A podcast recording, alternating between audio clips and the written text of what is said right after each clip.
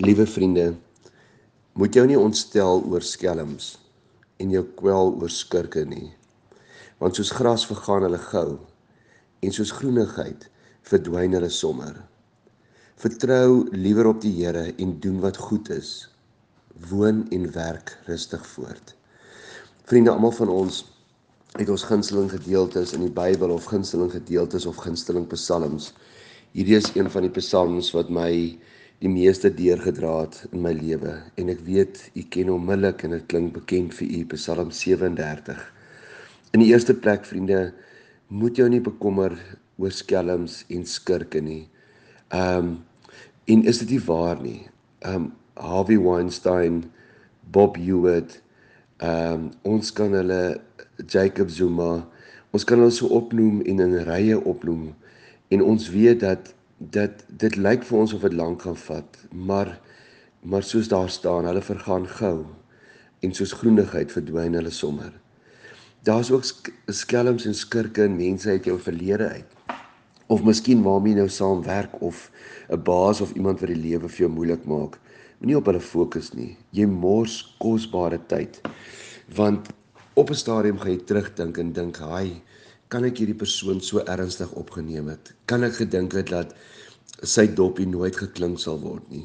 Vriende, moet jou nie oor hulle steur nie. Dan sê die Here vandag vir jou by die woorde van Dawid: Vertrou liewer op die Here en doen jy wat goed is. Woon en werk rustig voort. Vriende, die woon en werk, dit is gawes uit God se hand uit wat hy vir my en jou elke dag gee. En dan sta, staan daar verder vers 5: Laat jou lewe aan die Here oor en dan vertrou op hom. Hy sal sorg.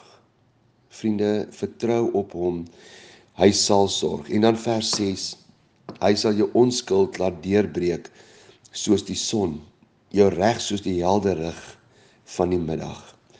Vriende, ehm um, as jy niks verkeerd gedoen het nie, ongeag in jou situasie, Hou bekommerd wees en hou op met skuldgevoelens rondloop. Die Here sal versorg. Vertrou op hom. En dan vers 7 sê dit so mooi.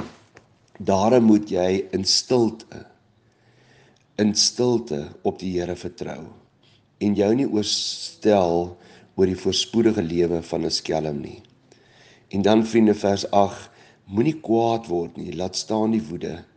Moet jou nie ontstel nie, dit bring net ellende. Dis sulke mooi woorde. So die Here sê net vandag vir jou, calm down. Raak rustig. Ek sal vir jou sorg. Vertrou op my. Vriende, toe my pa op sy sterfbed gelê het met kanker, het ek eendag by hom gaan sit en ek het vir hom gevra, "Pa, kom ek en jy hê 'n sterfbed boodskap. Wat sê jy vir pa as jou seun wil sê wat nog sy lewe voorkant toe moet lei? Wat het jy uit die lewe uitgeleer?" die belangrikste ding wat jy geleer het. Net so rukkie stil geraak en hy het vir my gesê: "My kind, as ek my lewe weer moes oorlewe, sou ek baie minder ge-worry het." En dit het hy vir my op 80 gesê. En hy was maar 'n gewone ou salarisstrekker. Um en hy het vir my gesê: "My kind, um ek het vir 5 kinders gesorg. Nee, die Here het vir 5 kinders gesorg en my vrou. En ons het nie een aand gaan honger slaap nie. En ek het vir almal goed gesorg. Hy sê maar ek het kosbare tye in my lewe omgeworry. Hy sê dat ek daar by Henties baie vis gevang met julle wat so om my speel en ek het geworry. Ons sou saam gaan uit eet het op 'n of 'n vleisie gebraai het en ek het geworry. Hy sê ek het altyd net geworry. Ek het my lewe omgeworry en dan kyk ek terug sê hy dat ek self kosbare tye met my gesin en vakansietye omgeworry. Hy sê dit was alles verniet. Hy sê as ek my lewe oor sou lei, sou ek nie meer 'n warrior gewees het nie. Vriende, en dan wil ek die vers laaste um, vier verse vir jou lees. Vers 23: Die Here bepaal die koers van die mens met wie se pad hy tevrede is en hy ondersteun hom. Vriende, die Here is tevrede met jou pad. Hy is lief vir jou. Hy gaan jou pad ook voorkant bepaal. En dan staan daar vers 24: As so iemand val, want Dawid het ook geval. Ons kry ook soms seer bly hy nie lê nie want die Here help hom. En dan hier is die klimaks nou vers 25. Ek was jonk, dis amper soos my pa gesê het nie. Ek was jonk en ek het oud geword, maar nooit het ek 'n regverdige verlate gesien of dat sy gesin brood soek nie. Vriende, mag jy styf hieraan vashou.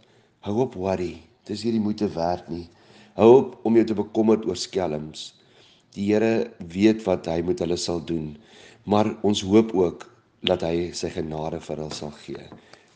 Woon en werk vandag ook rustig voort.